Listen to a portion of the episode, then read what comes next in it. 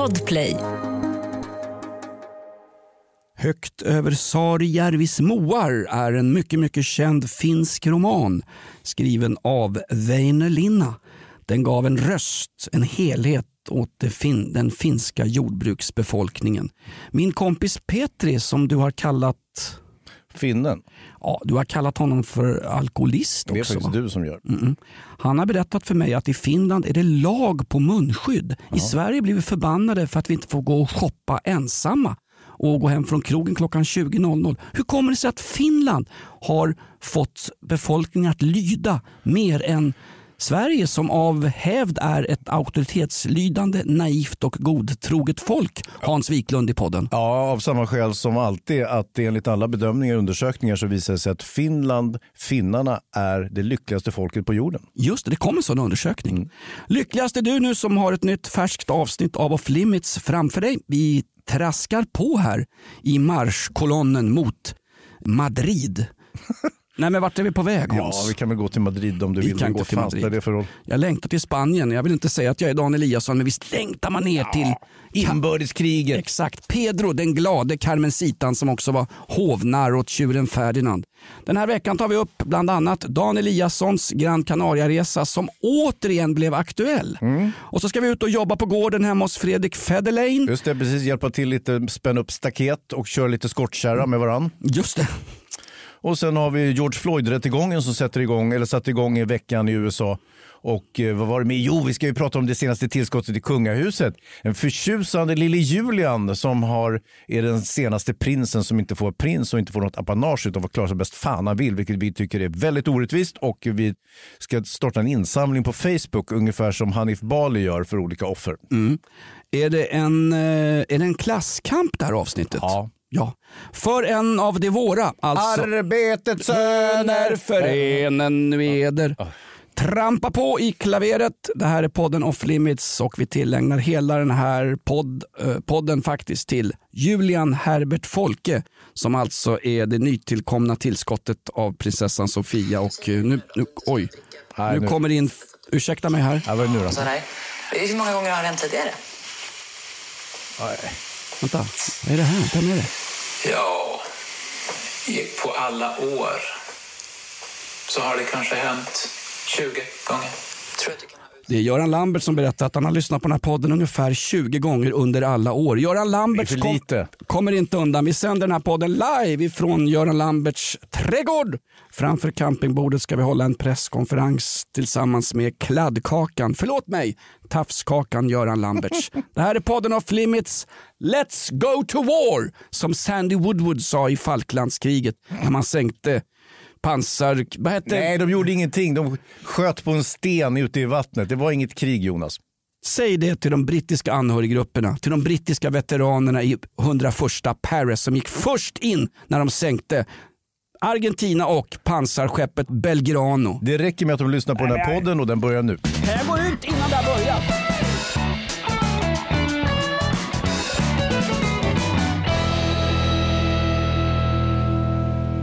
Nej, nu hör jag ingenting här. Det tror jag är fördelaktigt just i ditt fall Hans. Hans Wiklund, Ja, vänta nu här. Titta, där sitter Jonas. Nu ska vi överraska Jonas på födelsedagen. Tänk att han skulle bli så stor. Ja, ska vi, ska vi skoja så han blir jätterädd, lilla Jonas. Han, som en chock. Kommer du ihåg när vi var hos morbror Torsten i Grebbestad? Vi, vi sa att vi skulle gå ifrån honom, sen satte vi ut honom i skogen. Radioteatern ger Morbror Torsten och den hemska sommaren. Hans Wiklund i studion, Jonas Lindskov rattar kanelerna. Du har nyss varit hos på läkarbesök Lindskov. Fick ett finger också. Underbart. Vad kostar sånt? Det känns skönt tror jag. Jag behövde faktiskt inte betala. Va? Men gjorde du, var du hos thaimassagen eller var du hos läkaren verkligen? Oklart. Eh, producent Lindskov som drar in pengar på den här podden, de som deltar och utför arbetet, så att säga pråmdragarna vid Volga, är som vanligt undertecknad Jonas Nilsson och han som härmade Torsten Liljekrona eh, som var farbror Melker i Saltkråkan. Hans Wiklund, känd från film och tv. Du berättade en bra grej när vi stövlade in här och Mm. jag försökte dölja min alkoholstank i munhålan. Du har ju träffat Iggy Pop alltså en av mina grundidoler, the godfather of punk, har du träffat och suttit och chitchattat med. Hans, kom ut nu som Iggy Pop-vän. Ja, ja, jag är en stor Iggy Pop-vän ska Ja. du veta. Jag var ju ganska tidig, tyckte ju väldigt mycket om Studios, var ju helt fantastiskt när Ja. det dök upp. Mm, då var jag ju liten och, och gick i kortbyxor. Och, Du hade ju inte ens hår på karamellen pojken. Nej, jag satt i sandlådan och åt mitt eget snor och sådär. Så att, men, men Iggy Pop är jag väldigt förtjust i och jag fick tillfälle att träffa honom. Han var med i en film tillsammans med Johnny Depp. Eh, en John Waters-film som heter eh, Cry Baby. Som var en sorts pastisch på 50-talet och sådär. Och eh, Iggy Pop var med i den där filmen. Iggy Pop är ju gammal kompis med Johnny Depp, alltså inte bara karriärmässigt utan även privat. De har, tror jag, har de inte tatuerat det här uh, Skull and Bones, gamla piratmärket som en massa. De har en tatuering som gör att de är för evigt förbrödrade, bla bla bla. Ungefär som när du och jag satt vid SS lägereld i Nürnberg och, och göt blod för att eh, bekämpa på östfronten. Ja, det gjorde vi. Men, men eh, jag, tror, eh, jag är inte säker på det här nu, men jag tror att Iggy Pop är från, inte från Detroit utan från Baltimore. Och att eh, eh, regissören John Waters också är från Baltimore och hans filmer utspelar sig i Baltimore. Just det. Iggy Pop som jag tror växte upp otroligt enkelt på en sån här trailer park redan på tidigt 1960-tal. Och eh, Han heter ju egentligen Osterberg och det är ju efter hans nanny som var från Sverige faktiskt. Hon hette Österberg. Ja. Rest- James Osterberg. Resten är så kallad Iggy-historia. Vet du vad han fick namnet Iggy Pop av? Nu är vi långt ner. Det låter som en rockklassikers morgonshow. så- Åh, gud vad byt, in. Vad är dammigt där? byt, byt, byt inte kanal. Vi kom, det kommer inte Vi att... lämnar det här strax. Ja, Iggy Pop, var kommer namnet Iggy av? Han heter ju Roland Osterberg. Va? Nej, James. James Osterberger, förlåt. Mm. Uh, Iggy är väl efter hans första band som hette Iguanas. Ah. Och eftersom han är väldigt, han är som Ralf Gyllenhammar i mustasch. Han är en, enligt egen utsago en band-Hitler. Han bestämmer allting och passar inte galoscherna så får man dra. Mhm. Det är ju Ralf Gyllenhammar i mustasch som har på stående fot avskedat en trummis i turnébussen. Alltså det är ju rock'n'roll. Var det före eller efter han ställde ner den där glasflaskan mellan brösten på en kvinna? Eh, strax innan Mello. Ja. Ja, ja, eh, jag vet faktiskt inte vad det var. det var ja. Det är sånt som händer. Iguanas hette hans Iggy Pops första band. Välkommen till Iggy-podden, Iggy-poppen. Vi har mycket på gång den här dagen Hans. Mm. Du tjafsar om storbråket mellan jag trodde aldrig att ett tyngdtäcke kunde göra så stor skillnad. Börje Salming har hoppat på killen som ska frälsa hela Sverige. Nej, inte Anders Tegnell, inte Dan Eliasson utan Zlatan Ibrahimovic. Just precis. Mannen vars staty berövades på en näsa i Malmö och sen fraktades upp för att stå staty vid Teleplast, förlåt, Tele2s arena. Vad är det för bråk mellan Börje Salming och Egentligen är det Zlatan? väl som vanligt inte så mycket bråk utan det är väl mer Börje har vi vid något tillfälle sagt, kanske han blivit tillfrågad, vad tycker du om eh, Zlatans stil på planen? Och då har vi Börje på sitt, på sitt lite norrländska sätt sagt att ja, jag tycker inte så mycket om när han håller på och gestikulerar och liksom ger sura miner åt medspelare. Det tycker inte jag är så trevligt. Nej men det är det ju inte. Nej det är det inte. Och sen så har det här lästs upp för Zlatan och då säger Zlatan så här, ja det verkar som Börje har fått några puckar för mycket i huvudet. Han borde sköta sitt, så sköter jag mitt. Ja. Och ja visst visst. Och, och då kom det ett svar till faktiskt. Börje svarade på det här och sen sa ja Zlatan har ju, poäng, har ju en poäng i det. Så, att, så, så, så det där las ju lika snabbt. Men Börje är ju väldigt eh, förekommande, eh, ofta i den här reklamfilmen med tyngdtäcket givetvis. Exakt, men jag tycker ändå att när det är kändisspråk i kvällstidningar så, där, så att kvällstidningen ringer upp en kändis och så påstår de att någon annan kändis har sagt någonting och så får de en kommentar och sen eh, dagen efter så är det en fight i en kvällstidning. Nu har den här fighten lagt sig, Salming har lite grann bett om ursäkt och Zlatan viftar ju inte längre på plan. Han är ju ödmjuk, han vinkar, han, Helt sjung, annorlunda. han sjunger nationalsången, det som ansågs rasistiskt för 20 år sedan. Han är ju som vilken svennebanan som helst. Han är ju så här lite halvtråkig som Forsberg och, och övriga gänget Ja, i det det är här det där laget. att han talar om sig själv i första person och eh, ställer ett likhetstecken mellan sig själv och Gud Kristus. Det är väl det som kanske särskiljer honom lite grann från oss. ja, det skulle ju inte Party-Janne göra. Nej, vet, apropå kändisbråk där Jonas, jag försökte väl ringa till Expressen och, och så sa jag att Ja, jag har hamnat i bråk med, eh, med radiomannen Jonas Nilsson, min kollega på radion och på poddarna. Vi, han han, han eh, dök på mig och, och jag körde en, eh, slog uppercut, missa, eh, träffade, någon, träffade Lindskov. Och, och redan när jag börjar med den här målande historien om det här slagsmålet som håller på att spåra totalt mellan dig och mig så eh, säger reportern på Expressen så här Eh, du, v- vad heter du som ringer? Var, var hans första. Jag bara, ja men det är ju jag, Hans Wiklund, tv och radiomannen. Han skriver, är det V med W? Ja, det är W. Och den där andra, vem är det? Jonas Nilsson, aldrig hört talas om. Och Lindskov, vem fan är det då? Du, ri- hälsa från mig. Jag har varit portad från Systembolaget i Liljeholmen. Jag kom trea i Lyckoslantens korsordstävling någon gång tidigt 1970-tal. Jag är gammal pojkscout. Jag har varit fotbollstränare i IFK Aspudden, hedersmedlem i AIK. Jag har eh, Ja, det är väl det. haft- varit på strippklubb på Reeperbahn. Jag, har Ja, gjort, men- jag har gjort en hel del. Kanske, Simborgarmärket har du väl också? Eller? nej, jag tog bara grodan. Ja, det är när man bubblar i vattnet bara med munnen. Nej. Nej. grodan var i omklädningsrummet efteråt. Jag gick ju på Bosse Hanssons simskola ute på Nottarö. Nej, men den här fighten mellan Salming och Zlatan, vi kan väl blåsa liv i den. Jag tycker inte om... Jag Mm. föredrar krig framför fred. På det sättet är jag väldigt lik Josef Stalin, den här Georgien som står staty faktiskt fortfarande i Tbilisi, Georgiens huvudstad. Men är han georgier verkligen? Stalin var georgier. De sa alltid att han var mongol för de tyckte han, verkade så, han var så brutal och hemsk. Han måste vara mongol sa de, de andra ryssarna. Ja, nu heter det down syndrom. Nej, alltså inte, inte mongolid utan mongol från Mongoliet. Ja, men det var han inte. Han var ju... du- där- Han var Googla- georgier. Googla skiten där hemma. Ja, han var georgier. Får jag bara säga, om Zlatan skulle möta Börje Salming i en bur. Låt oss säga att Off Limits förvandlas från en ganska tjafsig podd eh, till en cage fighting institution. Vi fixar en stor bur med hönsnät, vi köper billigt, Lindskov bor ju på en hönsgård. Och så får de slåss där inne. Vem skulle vinna? Börje Salming eller Zlatan Ibrahimovic? De får välja ett vapen. Vapen? Börje väljer hockeyklubba och tyngdtäcke.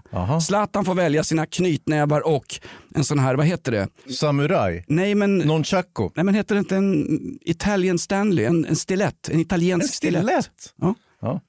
Vem skulle vinna? Jag kan inte svara på det, men, men utan vapen så tror jag att Zlatan anser nog att han är ganska bra fighter för att han har kört taekwondo och sådär. Men jag tror att Börje är nog den som har slagits mest från, från barndomen och, och eh, upp till vuxen ålder. Det var dit jag ville komma nämligen. Därför att Börje kanske inte har de här moderna ching chong grejerna och fly, flygande uh, Brazilian jiu-jitsu, rakade ben. Mm. Han står pall för en riktig smäll Börje. Finns väl ingen som tog så mycket stryk och gav en hel del smällar som Börje under åren i Toronto Maple Leafs. Tills han kom hem 77 och spelade för Kungliga AIK som idag spelar på naturis. Precis, och det är David streck över. Men sen var det också Börje och hans brorsa Stig. De slog ju varann sönder och samman. Från, så fort de kunde gå började de ju slå varandra. Exakt. Du förresten, Jag såg säger som Örjan Ramberg, det är ingen som har mått dåligt av lite stryk i barndomen, herregud. Nej, jag, men- tror, jag tror Börje skulle ta Zlatan. Och det är jobbigt för Zlatans ego när han talar i tredje person. Men underskatta aldrig Börje Salming, mannen som gav Sveriges dyraste kalsonger ett ansikte. Verkligen, och eh, har ett eh, ansikte som mest består av stygn. Men han är tuff. Jag gillar Börje, jag har träffat honom flera gånger. Förtjusande person. Ja. Men samtidigt så, han är ju med på alla hörn. Han var ju med i det här Carina Bergfeldt talkshowen och, och vart han ju överrumplad när det var någon dåre där som sa att hans mormor hade mördat sitt eget spädbarn. Tror du det? Och han tappade hakan. Vad säger du? Vad säger? Och sen ännu värre så var han ju, var han ju gäst i något sameprogram med, med, med brorsan Stig och så kom det dit någon lirare och sa så här. Ja, jo, då, vi mätte ju skallen här. Eh, eh, professor Lundborg mätte skallen på morfar och mormor. Bara, vad säger du? Det var det värsta. Jag trodde aldrig jag skulle höra någon sån här. sa han. Men han hade aldrig hört det. Han är ändå uppväxt i faktiskt Salmi som är en eh, stolt sameby strax norr om Kiruna. Han spelar ju sina första hockeymatcher i Kiruna. Han kom ju som, han kom han var ju, han var ju tredje syskonet i barnen från Frostmofjället som lämnade den lilla stugan, gick ner mot Kiruna, tog sig in på en hockeyrink och så var det Geten Guldspira och Börje Salming. De bildade ju backpar i Kiruna HC. Vi snackar 60-tal. Stig Salming börjar ju som forward i den Just det. Och sen fick han ta Guldspira. När de slaktade Guldspira eh, till påskfirandet sen så fick ju Stig gå ner på eh, höger, Alla fyra. Ja. Ja. Stig Salming som också är, nu är inte här någon hockeypodd, men jag fastnar lätt i. Börje Salming, tuffare än vad du tror. Dessutom har han eh, gjort sig känd att han har ju inte munskydd under coronan. Vet. Han är lite grann som en svensk Chuck Norris. Han har ju sitt gamla suspensar från Toronto, otvättat, fast i ansiktet. Det är ingen som ser det där. Så när han satt hos Bergfeldt hade han ju fortfarande suspensar och satt och pratade under det där. du. Det här är ett betalt samarbete med Villa Fönster. Du behöver lite mer tryck nu Jonas. Tryck! Villa Fönstersnack med Linnea Bali. Villa, villa, fönster, fönster, fönster med Bali, Bali, Bali. Jonas, nu tänker jag lära dig lite om Villa Fönster. Lär mig baby. Villa Fönster är en rikstäckande leverantör av fönster och dörrar till dig som konsument och byggföretag. Och vet du vad Jonas? Vadå? Jag har en spaning. Ja. Det som gör dem så unika är att de har Sveriges bästa leveranstid. Ja, det går undan har jag hört va? Ja, det gör det. För man tänker kanske som konsument så här, åh nej, det här kommer ta så lång tid. Men inom tre veckor alltså så har du ett svenskt nyproducerat fönster som är redo för omgående avhämtning eller leverans. Oj, oj, oj, inom tre veckor. Är det inte så också, jag har hört ryktena, de har Sveriges största fönsterlager va? Ja, med 500 olika varianter av fönster. Och eftersom de allra flesta av oss vill ha olika storlekar på fönster så kan Villa Fönster dessutom göra anpassningar såsom spröjs, spaltventil med mera. Oj, oj, oj Linnea, du övertygar här. Du vet inte vad en persedel är för någonting, men spröjs och spaltventiler. Här har jag nästan läst på universitetet om det här. Ja, och är det någon som har koll så är det Villa Fönster. Historisk referens här. Har du? Ja, alltid. Ända sedan 2008 så har Villa Fönster alltid haft visionen att erbjuda kvalitetsprodukter till rätt pris och kortast möjliga leveranstid. Ja, jag är nöjd Med vad då? med vårt Villa Fönstersnack. Villa Fönstersnack med Linnea Bali. Villa, villa, fönster, fönster, fönster med Bali, Bali, Bali. Tack Villa Fönster. Ny säsong av Robinson på TV4 Play. Hetta, storm, hunger. Det har hela tiden varit en kamp. Nu är det blod och tårar. Fan händer just det. Det är detta inte okej. Robinson 2024, nu fucking kör vi! Streama söndag på TV4 Play. Ett poddtips från Podplay. I fallen jag aldrig glömmer djupdyker Hasse Aro i arbetet bakom några av Sveriges mest uppseendeväckande brottsutredningar. Går vi in med hemlig telefonavlyssning och, och då upplever vi att vi får en total förändring av hans beteende. Vad är det som händer nu? Vem är det som läcker?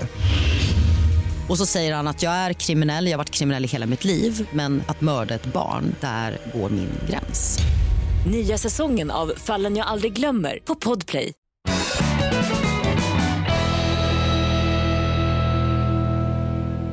Du, Herman Lundborg, professor Herman Lundborg, vad, vad har du på honom Jonas? Är, är det...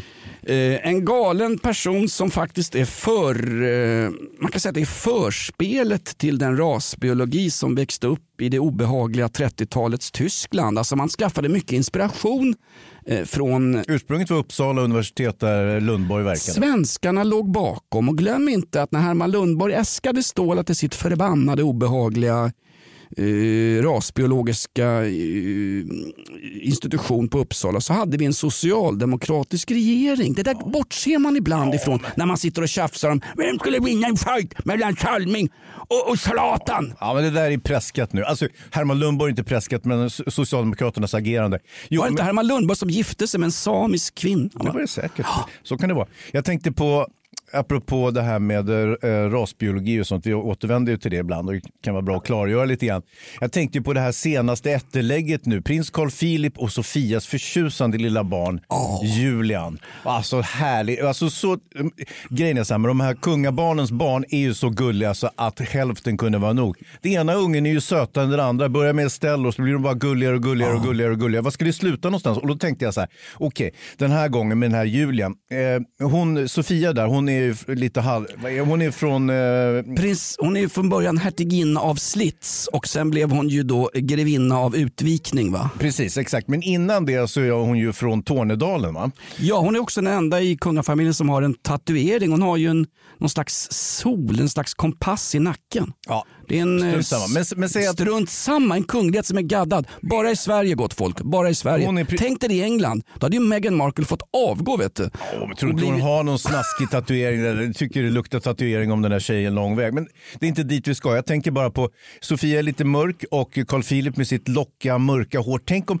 resonemangen gick där, precis som i brittiska kungahuset. Tänk om Carl Philip och Sofias tredje barn eh, ser ut som han kommer från Guinea-Bissau.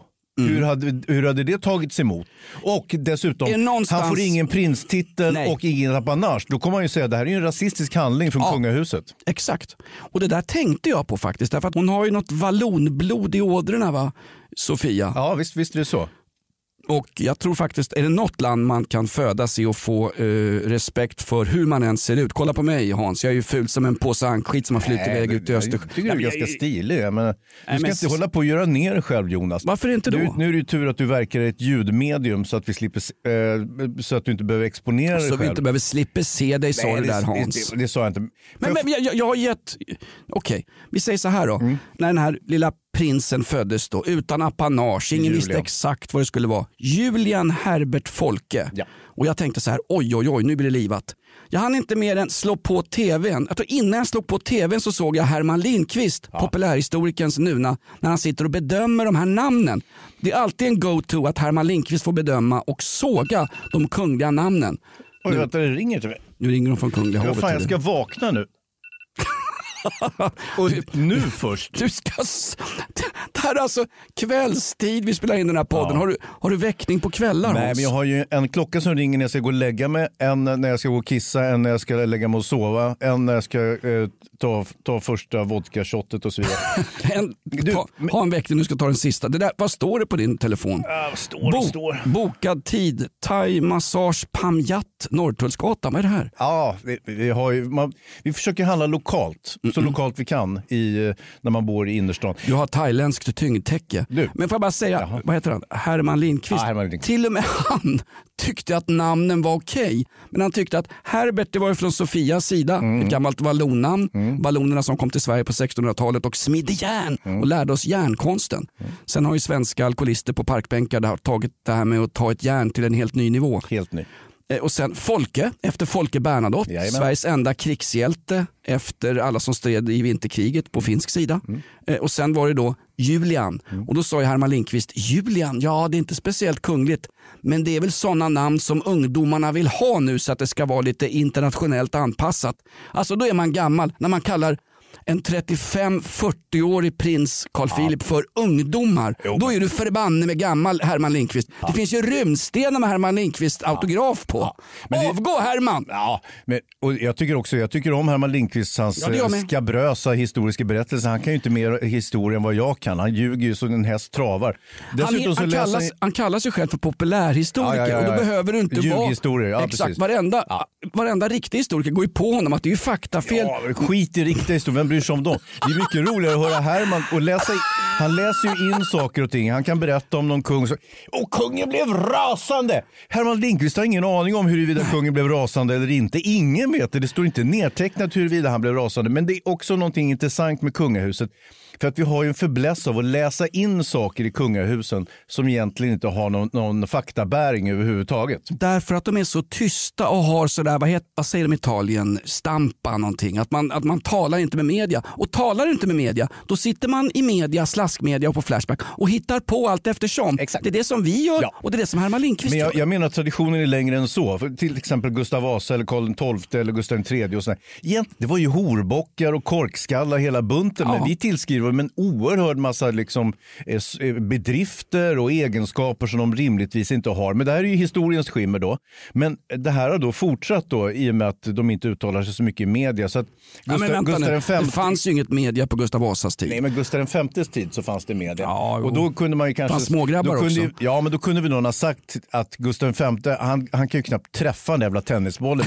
Ja, konungen är utstrålande tennisspelare. Han bjuder gott motstånd mot yngre män i, i kortbyxor. Vilka tajta kortbyxor de har. Han servar med skaftet från baslinjen och, och sen- där ja, visst. har Ja. vi ett tiebreak. Nu är det tiebreak för bägge två här. De lägger sig och vilar en stund. Han var en jävel på smågrabbar. Vet du, han var värre än Bosse. Prins Sigvard, han var ju då art designer, va? eller han var designer. Ja, han Ja, Vi- lite ja, kaffekoppar och exakt, skit. det är dit jag vill Ja, komma. Prins exakt. Bertil han var ju så fruktansvärt bra på bull. Mm. Ja, ja, när han åkte ner till Rivieran och tog fram sina lyxiga guldklot som han spelade med. De andra sönderrökta gubbjävlarna där, de, de slängde ju bort hans kulor ner i Medelhavet. Han hade ju inte en chans. Mm. Men ändå så levde vi i villfarelsen att, att prins Bertil, han, det är ju bullprinsen, han är så oerhört duktig i boll och, och så vidare. Och sen så eh, spillde det över så småningom på Carl Philip. Han är, han är racerprins, han kör ju så himla bra. Han har aldrig kommit i mål i en enda Porsche-tävling. Och då kör han ändå så här ett halvmässigt eh, STCC och sån Han har ju trehjuling. Han har ju stödhjul på sin Porsche. Bara säga om prins Bertil, du säger att han plockade fram guldkloten när han bodde på franska rivieran och levde gott på våra apanage. Mm. Det första han plockade fram det var väl en chablis. Liksom. Han lär s- det finns ju rykten om prins Bertil att han stå, stod på tå och drack chablis innan frukost. Han, han, de- den Det skulle killen- jag också göra om jag vore prins. Ja, jag med! Jag, talar, jag, jag känner den svenska avundsjukan komma rusande, inte bara genom min skrumplever utan även hela mitt tjocka radioplyte. Liksom. Tänk att vara prins och få börja dagen med att ta en liten hurrikurring. Mm. Eh, Ta han Sven-Bertil Taube som är lite av en kunglighet i folkhemmet. Va? Vår, vår tids Bellman var ju då Sven-Bertils far, Evert Taube. Mm. Åkte ner till Pampas, slog ihjäl lite tjurar, satte på någon Carmencita i något fönster, åkte hem, Mm. hade snott varenda folksång från argentinarna och så blev han bejublad och fick stå och sjunga på Gröna Lunds scen. Sambor och bonne liten stad förutan flata. ständighet. Eh, och inget mer Sven-Bertil nu. Sven- Eller jo. inget mer Evert. Men får Men får jag bara säga. Sven-Bertil Taube, jag har en kompis som jobbade för många år sedan på Sandhamns hotell och på somrarna så bodde Sven-Bertil Taube där med familj. Ah. Han var ju då gift med Ann Zacharias som var en förbannat underskattad skådespelare. Ja, inte, hon var inte särskilt bra. Var Men det okej, fortsätt. Nej. Hur det som där är helst. bara någonting man säger. När en skådespelerska inte har lyckats särskilt väl, då säger man underskattad. Hon kanske bara var dålig. Okej, Mm. Ann Zacharias var en underskattad, det vill säga dålig skådespelerska. Eh, hur som helst så, Sven-Bertil Taube pratade med min kompis som jobbade i receptionen, det här är preskat för länge sedan, det här är många, många år sedan. Då sa han, du, hörru du, vi kommer hem sent ikväll. Absolut herr Taube, inga problem. Eh, kan du ordna en grej till mig hörru, ganska schysst. Ni har inte öppet i natt va? Eh, Jo, receptionen är dygnet runt öppen. Ja, men ni har inte öppet. Eh, baren är inte öppen på nätterna. Nej, baren stänger klockan 23.00 enligt gällande svensk alkohollagstiftning. Så nu hör man att det är någonstans 70-tal, va? 70-80-tal. Nej, hörru du, gör du mig en tjänst va? Ställer du en, ett litet glas Jägermeister under receptionen så kan jag ta den när jag bara smiter in på rummet med familjen. Självklart herr Taube. Varenda kväll innan han somnade var han tvungen att ta ett glas ett glas, ett sånt där, vad heter det, Purex dricksglas, nej. Nej, med Fernet. Durex, nej med Jäger. Med Jäger. Fernet, är du borgerlig din fan? Ja. Va? Snart blir du Nyamko Sabuni lierade med högern också. Ja, det men- skulle vara Jäger, skulle vara Sven-Bertil Taube. Ja, men det tycker jag är fullt rimligt och det, det tycker jag inte är en sån stru- struntprat. Det gör någon bara högre anseende Ja, för, jag, jag, jag, jag, jag har respekt för de som kan downa Jägermeister mitt i natten tillsammans med sin familj. På Ja. riktigt. Ny säsong av Robinson på TV4 Play. Hetta, storm, hunger. Det har hela tiden varit en kamp. Nu är det blod och tårar. liksom. Fan händer just nu. Det. är Detta är inte okej. Robinson 2024, nu fucking kör vi! Streama söndag på TV4 Play. Ett poddtips från Podplay. I fallen jag aldrig glömmer djupdyker Hasse Aro i arbetet bakom några av Sveriges mest uppseendeväckande brottsutredningar. Går vi in med hemlig telefonavlyssning och, och då upplever vi att vi får en total förändring av hans beteende. Vad är det som händer nu? Vem är det som läcker? Och så säger han att jag är kriminell, jag har varit kriminell i hela mitt liv men att mörda ett barn, där går min gräns. Nya säsongen av Fallen jag aldrig glömmer på Podplay.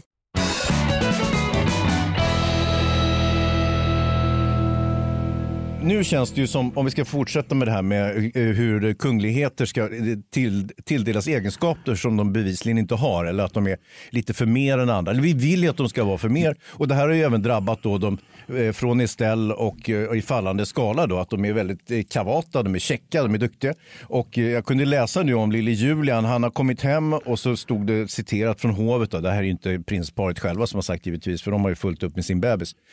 Och då säger de från hovet så här, ja, eh, jag kommer inte ihåg vad syskonen heter där, du vet säkert du Jonas. Eh, de heter Alexander och Gabriel. Och sen har vi Göran, det är ju Lamberts, den äldre brodern. Just det. Nej, han är inte med i den familjen. Nej. Nej. Okej, vi har Det är Gabriel. skillnad på kladd och tafs. Ja, vi har Göran och Lasse, alltså eh, hans prinsbröder. Och då är det redan så, då säger hovet så här, ja, de är redan tar hand om din lille och hjälper honom. Du vet, de har inte ens sett den här bebisen, de skiter i en bebis, de är tre år gamla själva. Och då är det så här, ja, lille Julian, han tog sina första steg idag, kan det verkligen stämma? Han är två veckor gammal. Ja, och så kan han läsa och skriva. Han kan säga farmor Silvia. Och, nej, det är väl inte möjligt ändå. Han är ju bara två veckor gammal.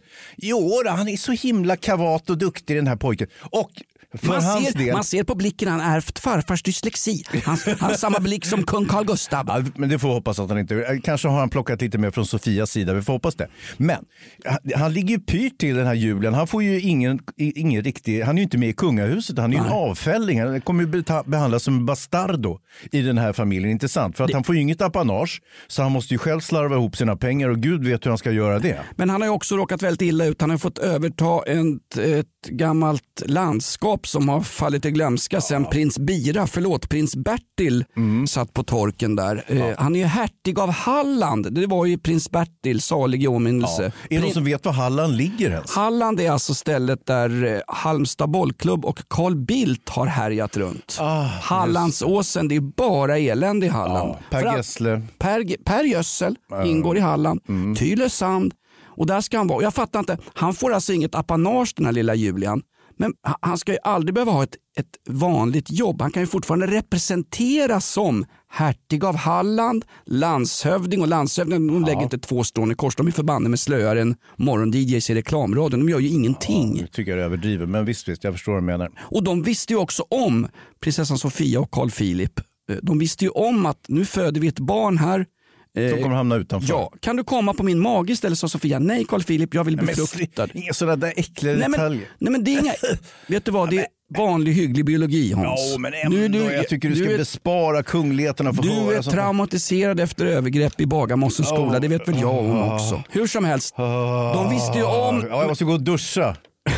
Det är sånt här som får folk att stänga av den här podden Jonas. Du ska duscha mig sen Hans. Ja, jag vet. Jag, därför jag satt in en väckning på din klocka. På, din mobil. Hörru du, eh, nej men, de visste ju om att barnet skulle födas till en person som faktiskt får försörja sig själv. Som alla andra barn i det här landet. Förutom de, Alla hans syskon Ja, faktiskt. och kusiner. Ja, nej men det är de som är födda före 2019 hamnar ju med på apanagetåget. Ja, de exakt. klarar sig vet Ja. du. Så att, eh, Det får kommer bli hoppas att ganska tryckt stämning när det blir middag i kungafamiljen. Ja, visst, förstår Va? Så vad har du dig för mat då?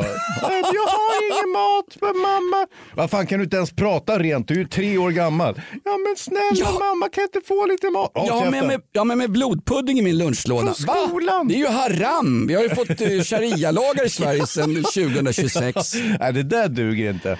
Jag tror att Julian kommer tjäna på det här därför att i motvind lyfter drakar. Det sa ju redan Mao Zedong. Det gjorde han. Och eh, jag tror att det är bara bra för honom att få ta sig ett riktigt jobb. Eller göra som majoriteten av svenska ungdomar idag hoppas på att hamna in i försörjningsstöd. Hörru. Ja, eller bli eh, instagrammer, eh, ja. alltså en eh, sån här, vad heter det, Insta, eh, influerare. Influencer. Det skulle han ju lätt kunna bli, så kunna lägga ut snuskiga bilder på sina syskon. Det vore ju skitkul om man kunde vara en riktig buse den här va? Och nu gör du ju själv det du anklagade mig för en stund sedan. Nyss tittade vi in i sovgemaket hos kungligheterna. Ja, men där tycker jag inte vi hör hemma. Nej men lägga ut snuskiga bilder då. Ja. Prinspix. Ja. Det är det vi ska lägga ut. Ja, okej. Ja, hörru du, ja, vi- ska vi lämna kungahuset där? Men, men som Ja, vi sagt, ska hålla oss kvar. grattis eh, till, till em, prinsparet och deras nya telning. Ja. jag. Ja, han ser jättegullig ut. Absolut. I och med att ungarna är så gulliga rent utseendemässigt så blev jag från att ha varit republikan och eh, beredd med tegelstenar så fort jag såg en, en kunglighet så har jag blivit nästan lite monarkist. Är det åldern också? Sen jag fyllde 70 gillar jag kungahuset. Alltså. Läser Svensk Damtidning och gärna runt i, i hermelinkaftan. Ja, och läser Herman Lindqvist med stor behållning. Titta här vad Herman har nosat upp. Kungen blev rasande! Det, han vet till och med att kungen blev rasande här på 1600-talet. Det är ju obegripligt. Han skrev ju någon bok om svensk historia. Så han skrev en tusenårskrönika och så skulle han lite snabbt gå igenom allt. Då hittade han ju på att det var en, de hade hittat en kvinna i en grav i Birka. Fine, det, det kan man mycket väl ha gjort. Sen hittade han ju på att den kvinnan var en ansedd hövding bla bla bla. Det vet vi ingenting om. Han kanske be, be, det kanske är någon vikingakung som begravde sitt sitt favoritfnask eller en trälkvinna eller hans egen mor. Vi har ingen Eller aning någon om som det. bara trillade ner i graven och dog. Men Alltså kanske så sent som på 1900-talet. kommunalarbetare från, från Strängnäs kommun. Nej men faktum är, vi vet ju ingenting. Vi har ingen aning om det. Men i narrativet svensk feminism sent 2020-tal. Är det här feministernas fel? Ja men på riktigt. Ja, har du inte märkt att så fort det är vikingaprogram på Sveriges Television just nu så är det kvinnan, kvinnan. Det är möjligt att det var så att kvinnan levde en mycket mer upphöjd tillvaro än när vi kom in i, in i medeltiden. Mm. För det är då vi verkligen via kyrkan börjar förtrycka kvinnan. För då ser vi hennes, vad heter det, hennes... Eh... Makt? Ja, precis. Hennes, inte hennes makt, hennes, vad, vad säger man? Inflytande. Vad är det man säger på kurdiska balkonger? Hennes heder. Ja, heder. Vi börjar låsa in kvinnor därför att det fanns en heder i den begränsade sexualiteten. Kyrkan Mm. kommer in, vi pratar medeltid, vi pratar 13-1400-tal och kvinnan då tillhörde en man. Så var det troligen inte enligt Herman Lindqvists science fiction-romaner på medeltiden och på vikingatiden. Eller på den tidigare tiden, värendetiden. Vi måste bli en Värentiden. Är det på dinosauriernas tid? Nej, ja nästan. Det är åren efter. Det är första året som Sven-Bertil Taube har en listetta. Ah, ja. Joe Biden hade tillträtt som guvernör. Joe Biden som inte har något pass, han har kol 14-metoden på ett papper. Du hade något, på tal om kungligheter, Mm. Dan Eliasson, kungen av eh, myndighetsmissbruk, gjorde ju comeback i veckan Hans. Ja, vad var det för något? Han blev ställd inför KU, inför någonting som hette Coronakommissionen. Just det, just det, precis. Och så skulle han förklara sig och någon smart PR-agent hade sagt till honom, för fan, Dan, du är inte så jävla populär längre i folkhemmet hörru. Sen du var nere på grabbresa på Gran Canaria. Så ta på ett munskydd när du går in i KU. Han är den enda som går in i KU med ett munskydd. Han tar av sig munskyddet och sen berättar han för KU hur han tänkte som chef för MSB. Och så säger Som han... man sedermera fick sparken ifrån. Ja, exakt. Efter den famösa Gran Canaria-resan han blev Stig-Helmer Eliasson Mm. eh, och, och på hemvägen åkte förbi Suezkanalen och stängde in ett förbannat fartyg. Ja, det var han, ja. Ja, visst. Exakt. Han körde på grund. ja, exakt.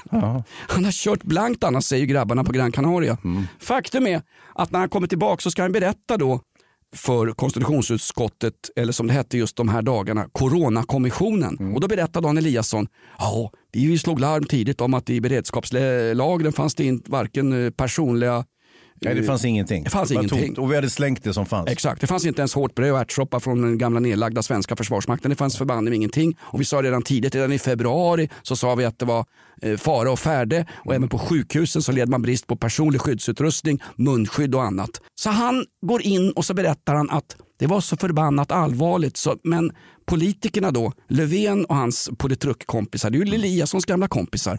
De valde att inte lyssna på MSB. Men om läget var så förbannat allvarligt, varför åker fanskapet ner på två Två charterresor till Gran Canaria mitt under brinnande pandemi. Och det roliga är, när han kommer hem så får en Expressen-journalist som någon har skrämt upp tag på honom på Arlanda. Har du varit på Gran Canaria? Eh, Ingen kommentar. Har du varit på Gran Canaria? Kan du svara ja eller nej? Ja, det var ett rent tjänsteärende. Och sen frågar du Expressen MSB om det var ett tjänsteärende. Då säger någon, någon icke skolad mediakommunikatör på MSB, och tro mig, det finns ganska många sådana. Då säger någon icke skolad mediekommunikatör på MSB, ja, vi kan inte kommentera generaldirektörens eh, privata resor. Vänta, det var ju tjänsteresa. Ja, exakt! Exakt. Han avslöjas av sina egna. Snacka om dolkhugg i ryggen min Brutus. Det här är som en femte kolonn i Francos fascistiska Spanien. Lite grann.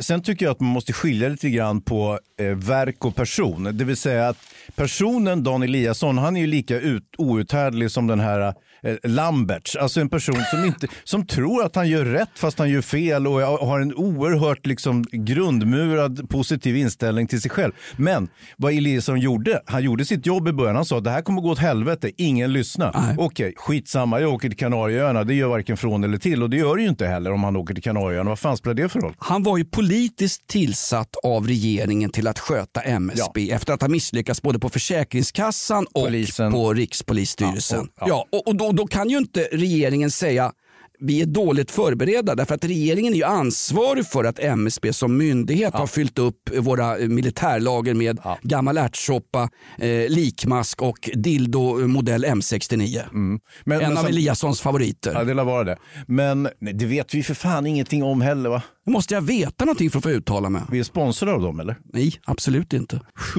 Jo, men du. Nej men han hade ju rätt i sak, visst hade han Ja, det. ja, ja, ja, men det förändrar ingenting. Nej. Nu, sitter, idag, nu är han ju generaldirektör för vad hette det? Regeringskansliet. Ja. Det är ett rent förbannat hittepå. Han borde fråntas apanaget likt din kompis Julian Herbert Folke Bernadotte. En kille som får, som du och jag, slita hårt för brödfödan. Ja, det undrar jag om man behöver göra.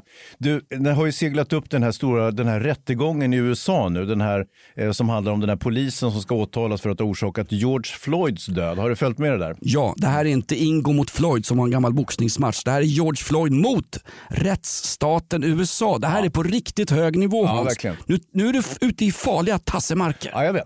Eh, och då ska man ju då under den här rättegången försöka påvisa, var det så att polisen med berått mord tog, mod tog koll på den här stackaren i rännstenen?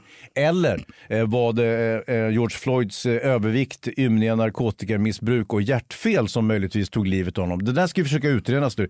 Det, man kommer ju höra olika läkare som får göra olika utlåtanden för att försöka komma fram till vad var det egentligen, vad är hönan i ägget? Var det polisen som slog ihjäl honom eller dog han eh, för egen maskin så att säga? Jag har aldrig sett en mer politisk rättegång sen eh, Dreyfus-rättegången i Paris sent 1800-tal. Googla skiten där hemma Jag gott vet. folk. Du- Och den såg du faktiskt inte Jonas. Nej, men jag kan, jag kan, få, men, men jag kan väl göra som Herman Lindqvist, kan få hitta på historien. Kungen blev rasande!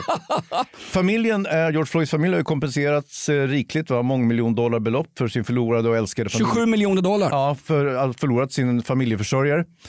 Mycket till familjeförsörjare verkar det i och för sig inte ha varit, men det spelar ingen roll. Det är klart att de ska ha pengarna. Och nu kommer alltså det här rättsliga efterspelet. Det blir jättespännande. Floyds frånfälle, det utlöste ju kravaller, det kommer ni ihåg kanske? Eh, Över där- hela världen. Ja, precis. Men framförallt i USA. Det ledde till en polarisering, då inte bara i USA, utan lustigt nog även i Sverige. Inte i resten av världen, i Sverige. Det blev ju mer kravaller på svenska gator efter George Floyd-mordet än vad det blev efter sju knivhuggna i Vetlanda. Denna Ja, så är det. bandymetropol som har fött bland annat Lena PH och hennes förbannade symaskin. Ja, men hon Vem spelar gav... inte bandy va? Nej men PH... Ja, skitsamma. Men eh, hur som helst, då, så då blev det ju Black Lives Matter för hela slanten. Det har ju dominerat då i både kontext och narrativ här i gamla Sverige. Ah, fick in både kontext och narrativ i samma mening också. Snart säger du Bosse Hansson också. Och Bosse Hansson.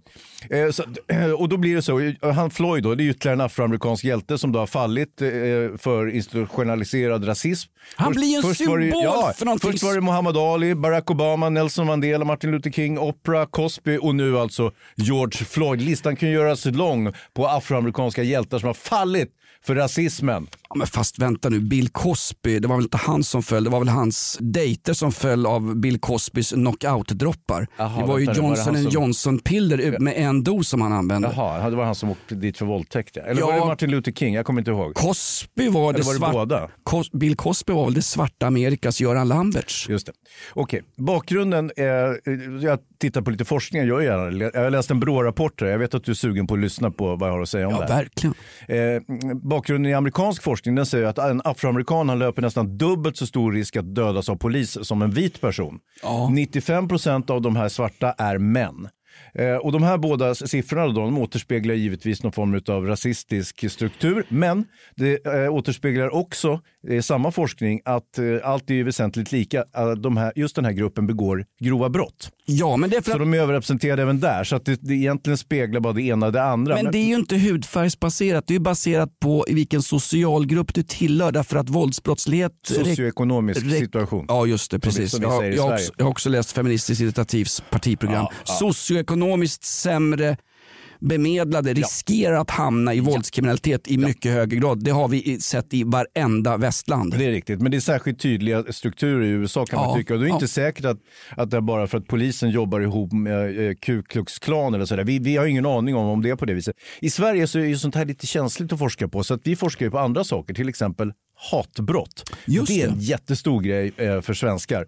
Och det har tittat på eh, statistik. Om Börje. Salming slår Zlatan på käften, är det ett hatbrott därför att hockeyspelare av hävd tycker att fotbollsspelare är fjollor? Nej, Eh, däremot om Zlatan slår Börje, då kan han åberopa eh, hatbrott eftersom eh, Börje tillhör samisk minoritet i Sverige. Eh, då har man skiktat in de här olika Men fast minoriteterna. vänta nu, Zlatan är ju från Balkan. Ja just det, de är en majoritet i Malmö. Förlåt mig, stämmer. Så det, det är något helt annat.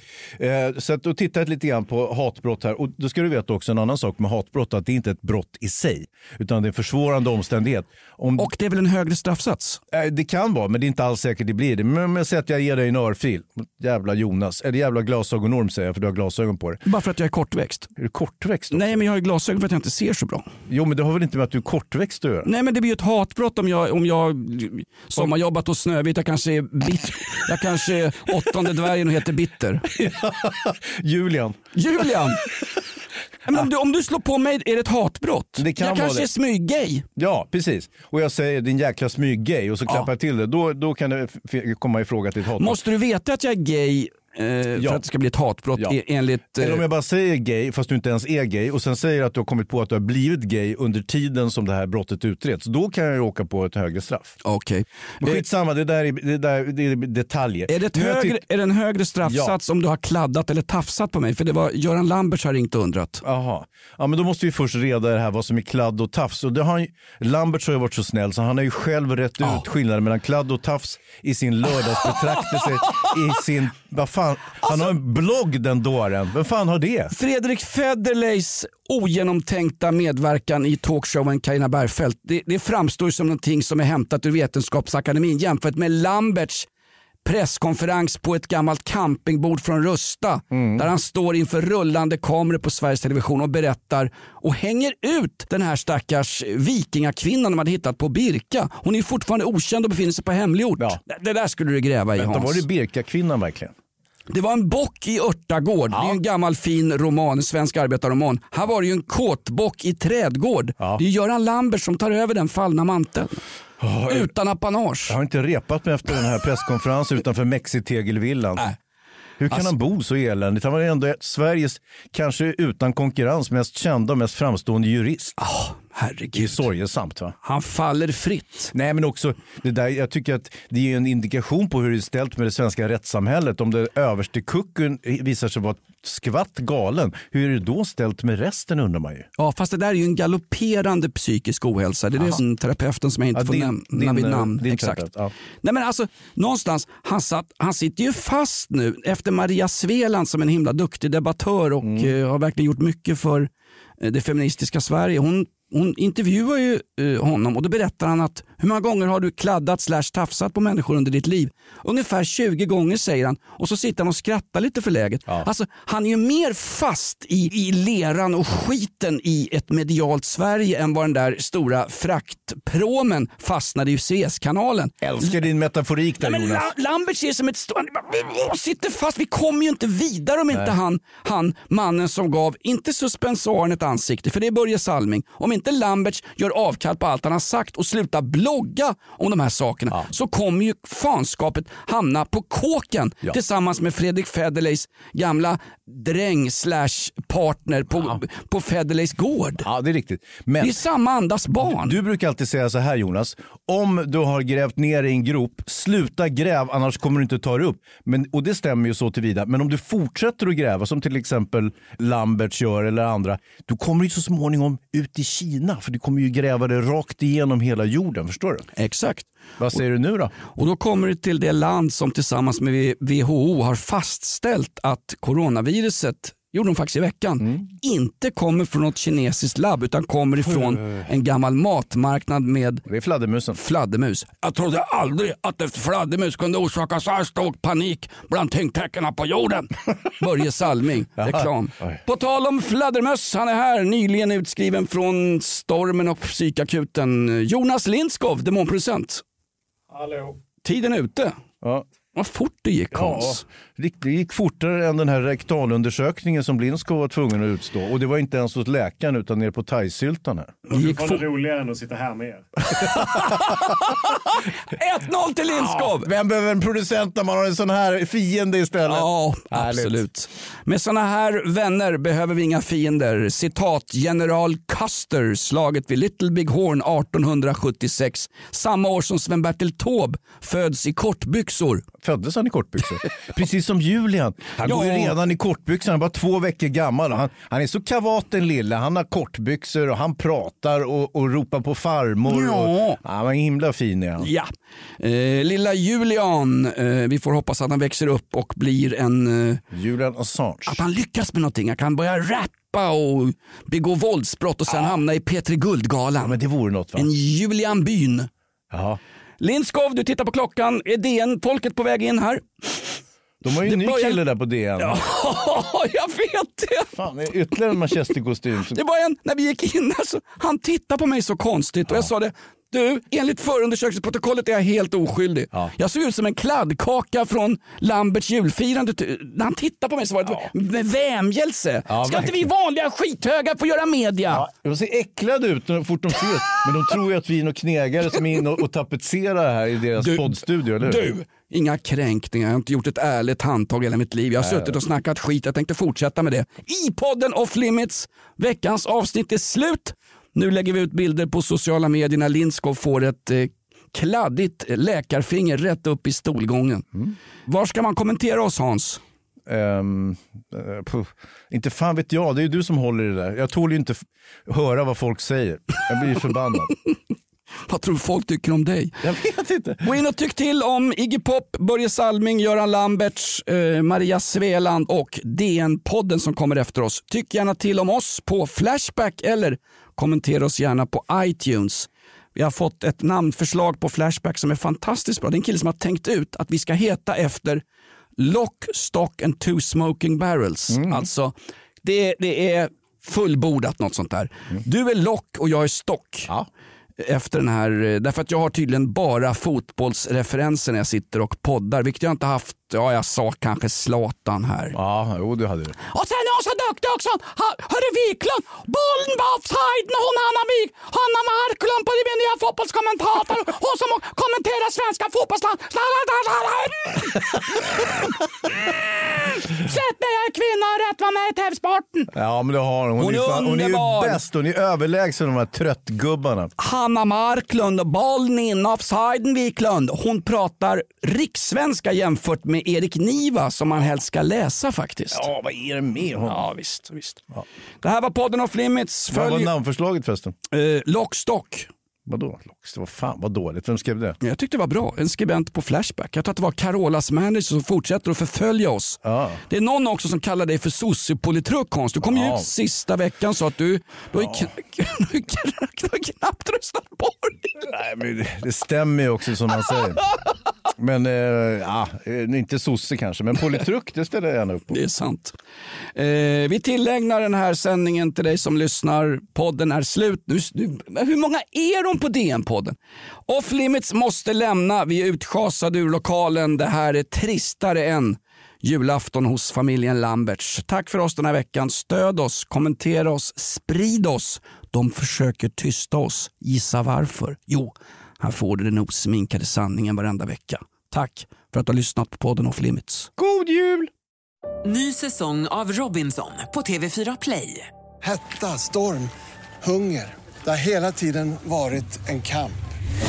Nu är det blod och tårar. Fan händer just det. Det är detta inte okej. Robinson 2024, nu fucking kör vi! Streama söndag på TV4 Play.